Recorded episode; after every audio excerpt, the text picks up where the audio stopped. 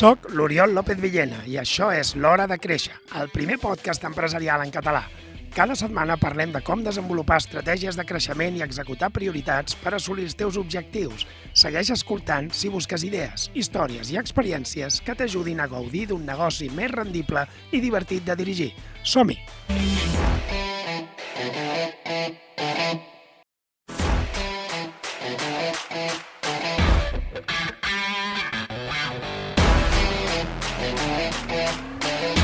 Parlem d'empresa, parlem de com fer-la créixer, parlem de moltes coses entorn a aquest món amb l'Oriol López Villena, que ell és l'autor del llibre Creix i Prospera. Oriol, bon dia. Bon dia. I dèiem eh, coses que envolten en el món de l'empresa i que, a més a més, ho expliquem molt breument, eh, molt sintèticament. Anem al gra. I avui volem parlar del que, en principi, no és tan normal, que potser per l'empresari sí que ho és, i que realment és allò que enamora els clients. I que Exacte. tu no li has donat cap mena d'importància, perquè ho dones per sentat que s'ha de fer, no? Sí, són tot de coses que fem a les empreses que nosaltres les veiem com una cosa habitual, sigui perquè portem 50 anys fent-les, o sigui perquè ho vam considerar una cosa vamos, normal a fer. Lògica, no? Que seguia la nostra estratègia. Però que en realitat, quan tu mires a la competència, mires al voltant, eh, veus que no es fa i que en canvi tu sí que ho estàs fent, no? i als teus clients els encanta. Jo això tinc un client que mm, són industrials, fabriquen un adhesiu, no? I, i quan envien, quan, eh, quan venen, eh, fan un workshop pel seu client, pels empleats del seu client, i fan un workshop on els expliquen com utilitzar-lo el producte, de manera que eh, els ajuden a estalviar costos, els ajuden a, a optimitzar l'ús i a saber què han d'utilitzar i com no. no? Um, això, que ells ho veuen com una cosa molt normal, no és habitual. I en canvi el client la valora molt. I en d'això n'hi ha molts exemples en el, en el món empresarial. I segur que moltes vegades, quan fins i tot notes com a consumidors directes, hi ha algun plus d'alguna cosa que dius per què vaig sempre en aquesta que ven això i no en l'altra, que ven el mateix producte exactament, no? Pues, segur que deu haver aquest plus. Que Això no... és el que en diríem, és a dir, el valor és una divisió. El valor és una divisió entre el benefici que reps com a client i el preu que pagues. No? És una divisió i, per tant, si és més gran que 1, vol dir que el valor és positiu, o sigui, és, és, afegeixes valor. Si és més petit, no, no? Perquè vol dir que el preu que pagues és més gran que el benefici que reps. Què passa? Que moltes vegades aquest benefici no és percebut.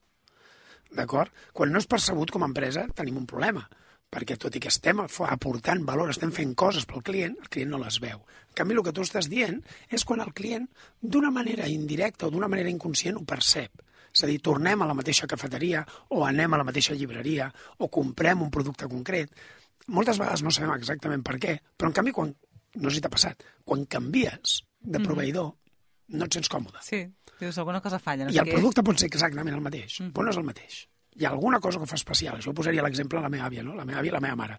La, nosaltres sempre tornàvem a casa, els meus, el meu germà i jo, dient-li a ma mare, és que el, el fuet que ens posa l'àvia és boníssim. que És cosa que fa millor molta fuet. ràbia a les mares, sí. però... I, i, I ma mare pensava, dic, però si és exactament el mateix fuet que jo compro. És a dir, el, el plantejament és, és exactament el mateix fuet, però en canvi amb la meva àvia era més bo. Llavors la pregunta és per què? Sí, sí. Doncs perquè segur que la meva àvia hi posava aquelles coses que només posen les àvies, no? Que és aquell punt, ah, no diré de carinyo, que si no ma mare s'enfadarà, però aquell punt però sí, d'extra... exacte. d'extra mimar, no? extra mimar, que només elles se'n fer. I això és el que jo crec que han d'identificar les, les empreses. Jo ho posaria molt simple, és a dir, el primer és seient a l'equip. O sigui, els asseus durant un minut, durant una hora, Mhm. seus a totes les parts de l'equip, és a dir, em refereixo des de recepció fins a la sòcia, és a dir, tothom, d'acord? Els asseiem allà i fem una llista. Què fem a dia d'avui que nosaltres considerem que és normal però no ho és tant? I és bo que sigui transversal perquè trobaràs recepcionistes que li diuen a un eh, encarregat de magatzem escolta, sí, però vosaltres feu això. Vosaltres empaqueteu amb el logo del client en lloc amb el nostre logo. I, per tant, això també és un detall. D'acord? I, per tant, és bo que sigui transversal. Els asseiem, què fem de no tan normal i després què més podem fer? Clar, perquè fins i tot podem eh, encara aportar alguna cosa Clar, més. què més podem fer perquè el client digui uau, digui, ostres, això sí que val la pena. Sí, sí. A això em refereixo quan dic no normal. Sí, sí. Doncs això és el que volíem analitzar avui, que, que eren aquestes normalitats que no són tan normals, Exacte. però que el mateix empresari les troba normals, les fem de manera espontània, però que val la pena posar en relleu i que enamora, a més a més, els teus clients, que I això tant. és el que al final busquem sempre, no? Volem clients de per vida, no? Doncs pues així és com es fan. Sí, sí, aquesta part emocional, eh, també, Exacte. aquesta part emocional. Doncs sí, senyor. Uh, n'hem parlat ara amb l'Oriol López Villena, que també el podeu seguir per xarxes, posant Oriol... Eh, Oriol López. Oriol López, Tot exacte. junt, amb una sí, sola L. Doncs aquí estarà. Uh, Oriol, ens veiem ben aviat. Gràcies.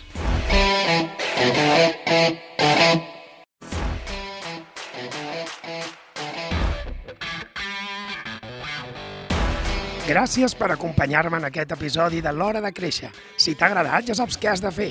Escriu una ressenya, comparteix-ho amb algú i uneix-te a la comunitat de les empreses proactives.